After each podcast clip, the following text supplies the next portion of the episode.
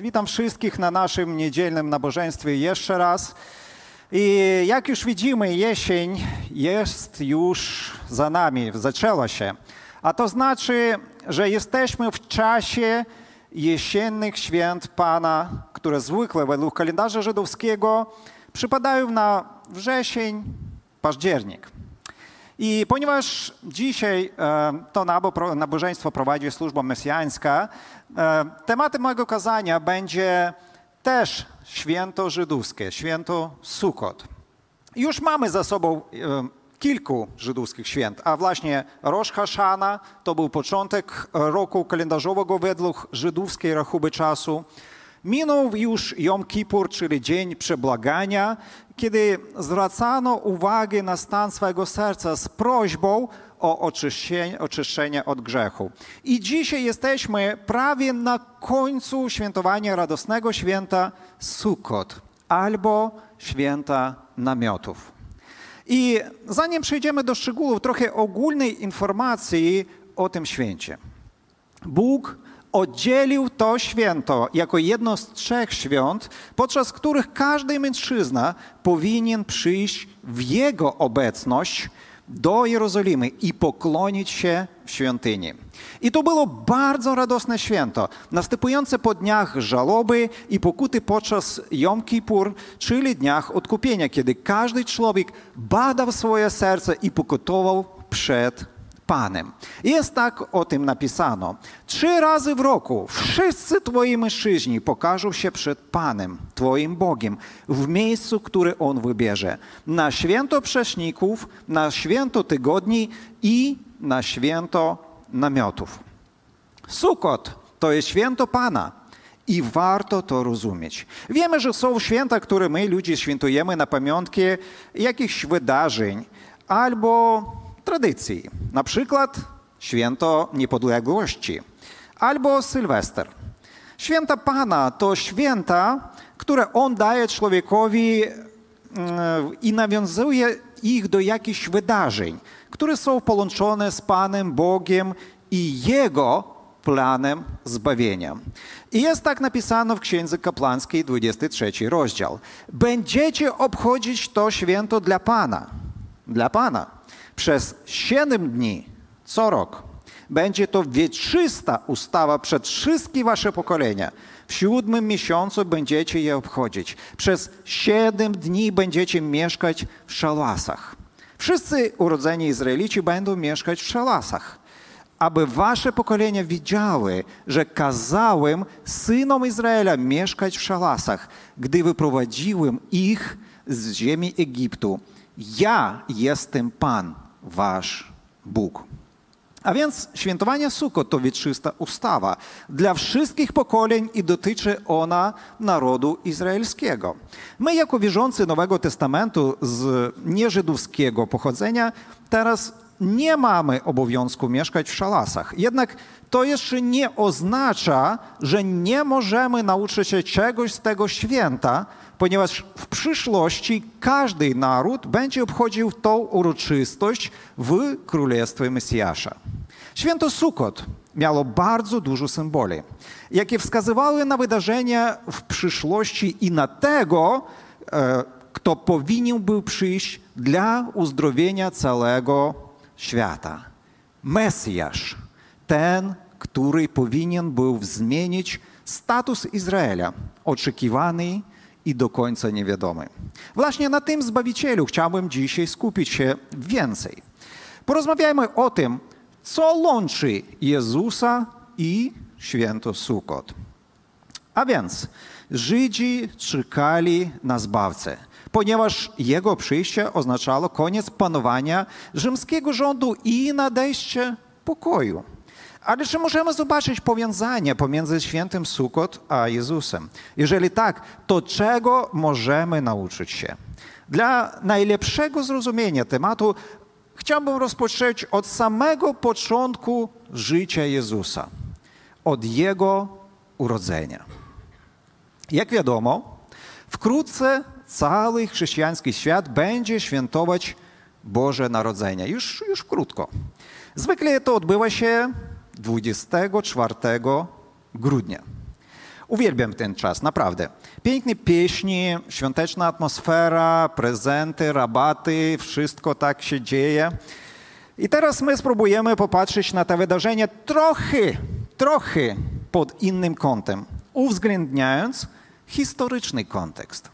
To, co nas interesuje, wydarzyło się trochę wcześniej. Chciałbym przedstawić Wam chronologię zdarzeń, które miały miejsce jeszcze przed narodzeniem Jezusa. No, chyba większość z nich my już znamy, tak?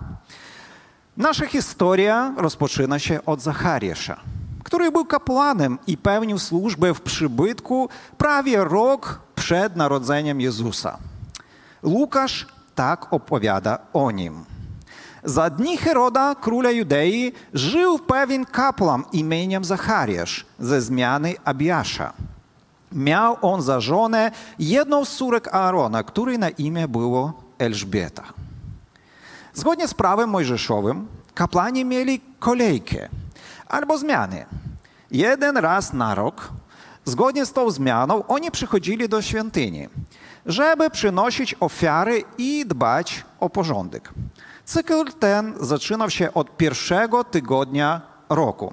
Żydzi mieli, to warto rozumieć, Żydzi mieli kilka kalendarzy, a to znaczy, że było kilka początków roku. Krótko mówiąc, jeden początek był związany z początkiem roku religijnego, który rozpoczynał się od miesiąca Nisan, to mniej więcej marzec, kwiecień. Drugi kalendarz był cywilny i rozpoczynał się w miesiącu Tishri, czyli tak mniej więcej wrzesień, październik. Według pierwszych kronik 24:10 zmiana Abiasza była ósma i wypadała na miesiąc Siwan, czyli maj, czerwiec. Jesteście jeszcze tu, tak? Dlatego urodziny Jana Chrzciciela prawdopodobnie odbyły się na Pesach, co daje nam dużo przestrzeni dla reprezentacji Bożego planu zbawienia. Bo podczas paschalnego sederu, jeżeli patrzyliście na to, byliście na sederze, Żydzi oczekiwali przyjścia Eliasza. Jak my wiemy i jak świadczy o nim Nowy Testament, przyjście Jana Chrzciciela odbyło się w duchu i mocy Eliasza. Ale to trochę inna historia. A więc, zgodnie z Łukaszem, anioł rozmawiał z Marią w szóstym miesiącu ciąży Elżbiety, co daje nam koniec miesiąca Kislew, czyli listopad, grudzień. W tym czasie naród żydowski świętował jeszcze jedno święto, Hanukę, święto oczyszczenia świątyni. I to bardzo ciekawe, dlatego że cały Izrael w tym, w tym czasie myślał o zbawieniu, o nadejściu króla, jaki zmieni los narodu żydowskiego. I jak odpowiedź na oczekiwania i modlitwy narodu, anioł przychodzi do Marii. Tu my możemy zauważyć Boga, jaki działa przez historię, dopasowując wszystko do swoich planów. Za dziewięć miesięcy narodził się Jezus. I zgodnie z naszymi obliczeniami odbyło się to, uwaga, na święto Sukot. Gdzieś w środku miesiąca Tishri, czyli wrzesień, październik. Gdzieś tam. Oczywiście, spokojnie, oczywiście, nie możemy wszystkiego wykalkulować do ostatniego dnia. Dlatego mówimy o tym jako teorii, jako, jaka według mojej opinii bardzo mogła mieć miejsce. Moim zdaniem, kiedy po prostu uważnie zbadamy Biblię, to łatwo zauważymy, Jezus urodził się na Sukot. Ja rozumiem, że może trochę trudno to teraz ogarnąć. Możecie jeszcze raz posłuchać i jeszcze raz zobaczyć to w Biblii. E, taki pogląd ma jeszcze kilka filarów, nad jakimi my możemy zastanowić się. Pomyślmy o tym, czym są szałasy i jak one były budowane za czasów Jezusa. To nie były domy, nie było coś trwałego. Te szałasy były czasowymi konstrukcjami, ponieważ używali ich pasterzy do mieszkania podczas wypasu bydła, a stada stale przesuwały się. Do naszych czasów w Izraelu można je zobaczyć. Pasterze budują je z wszystkiego, co można znaleźć. I jeśli teraz używają prezentu dla ich budowy, to za czasów Jezusa budowali je z prostszych materiałów. Popularnym materiałem dla dachu były palmy. Tak samo były budowane szalasy na święto Sukot. To była lekka konstrukcja, w jakiej można było zjeść jedzenie i przenocować i nie da, dałoby się tam mieszkać na stałe.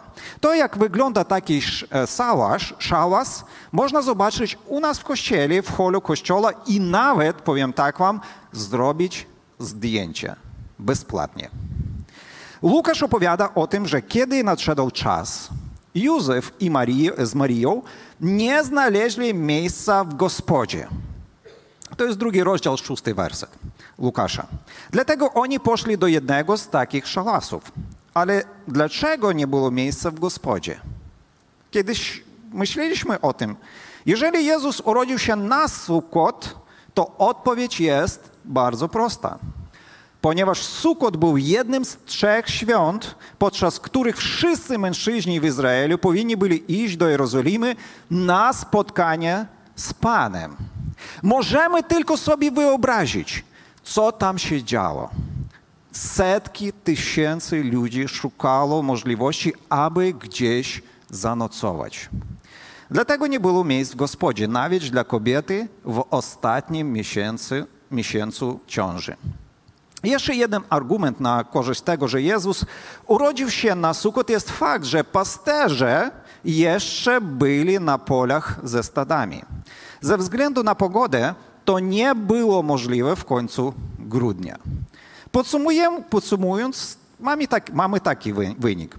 Są dowody, według jakich można stwierdzić, stwierdzić, że Jezus urodził się na Sukot. Był on położony w miejscu, jakie nie było godne króla, ale on poniżył siebie do poziomu zwykłego człowieka. W swoim posłaniu Jan tak mówi o zamieszkaniu Jezusa pośród ludzi. I to jest Jana 1,14. A to słowo stało się ciałem i mieszkało wśród nas. I widzieliśmy Jego chwałę, chwałę jako jednorodzonego od Ojca, pełne łaski i prawdy. Słowo mieszkało w języku greckim brzmi jak eskenosen. To takie trochę dziwne. Eskenosen. Co można przetłumaczyć jak mieszkać albo żyć w szałasie, namiocie, przybytku.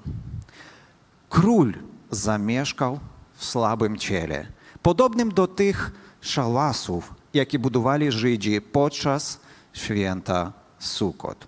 Król zamieszkał pośród świata, jak kiedyś Pan Bóg zamieszkał pośród narodu, narodu żydowskiego na pustyni. On stał się tym światłem, o którym mówi Jan.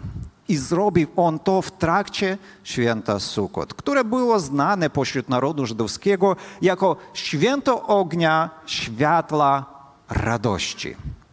I teraz jest dobry moment na połączenie tradycji żydowskiej z tym, jaki stosunek do tego święta miał Jezus.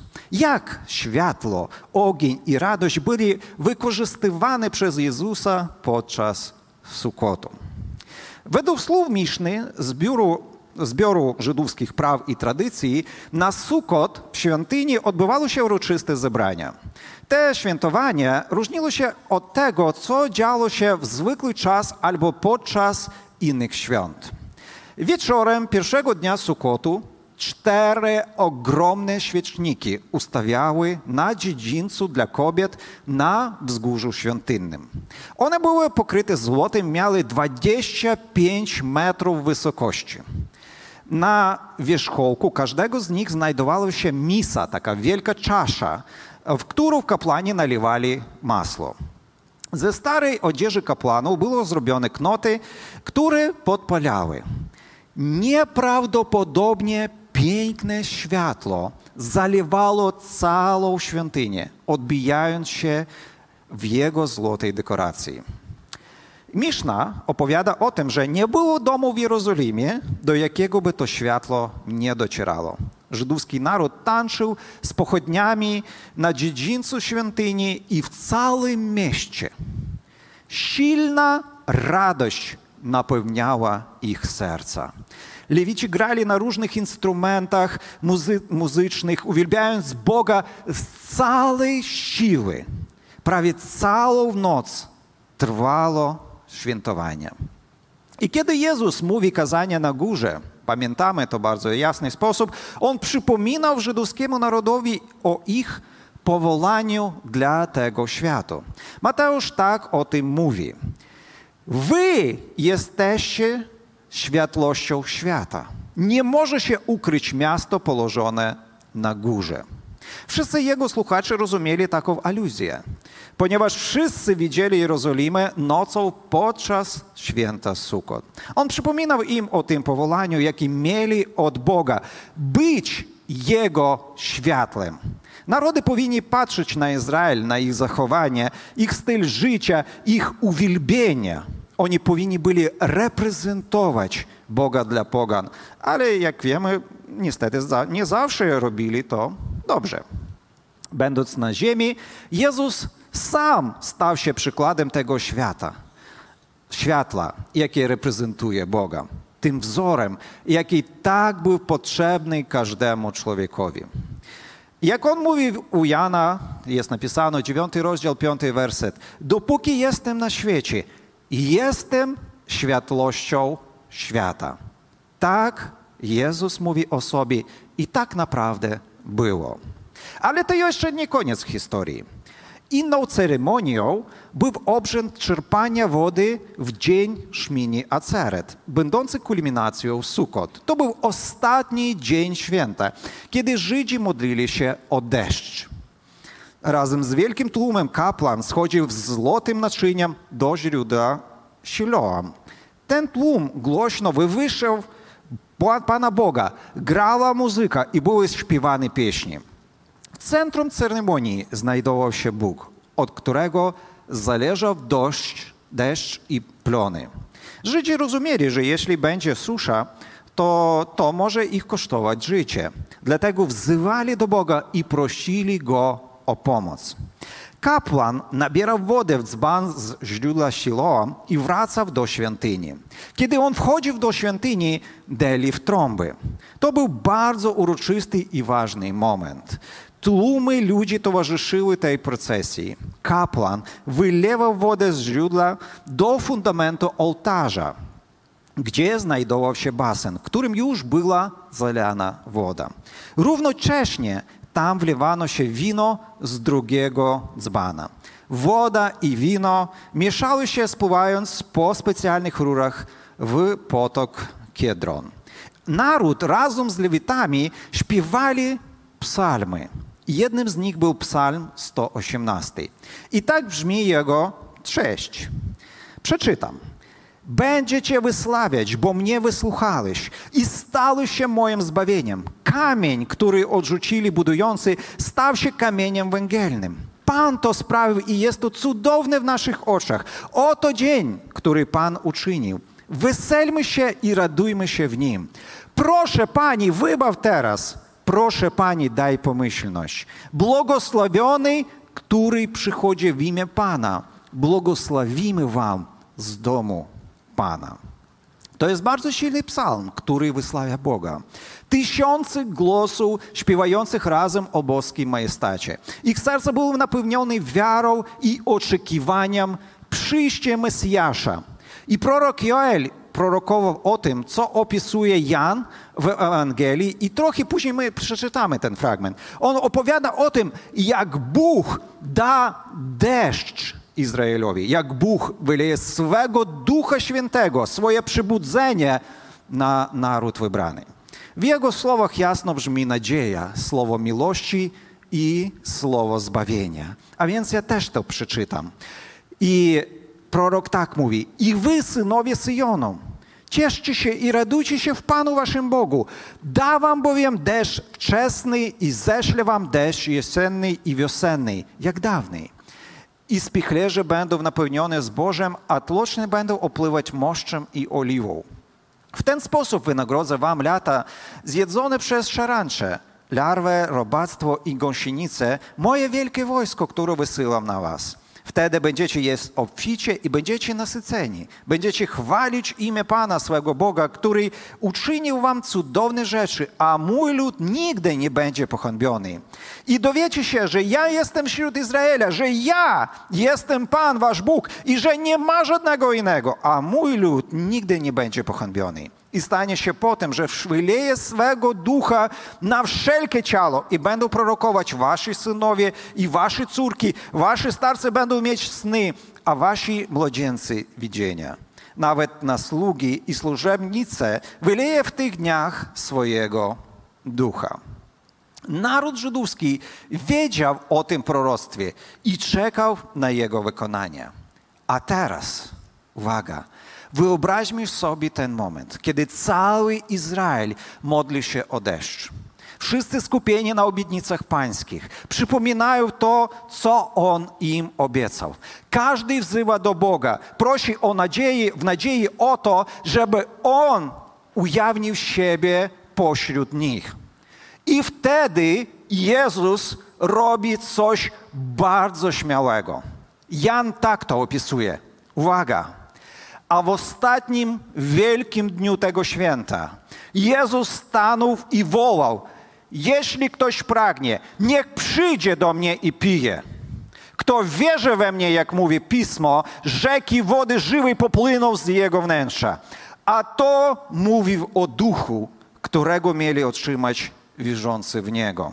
Duch Święty bowiem jeszcze nie był dany, ponieważ Jezus nie został jeszcze uwielbiony.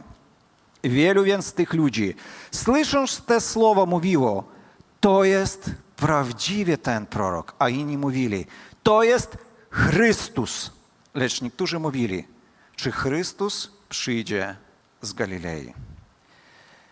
Kiedy rozumiemy historyczny kontekst tych słów, rozumiemy, dlaczego to wywołało taką różną reakcję pośród ludzi. Jego słowa były na tyle silnymi, że nikt nie mógł zrobić mu żadnego zła. Jezus powtarza podobną koncepcję, kiedy rozmawia wcześniej z kobietą obok studni. Jan w czwartym rozdziale opisuje tą rozmowę.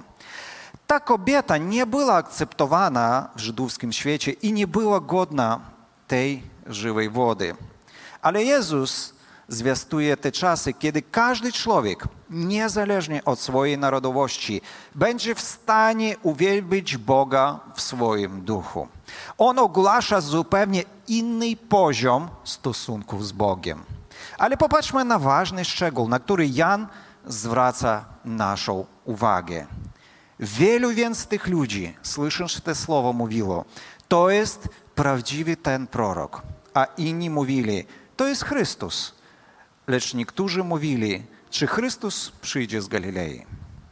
Wielu ludzi uważało go za prawdziwego proroka i nie mówili o nim jako o Chrystusie. I tylko niektórzy mieli wątpliwości.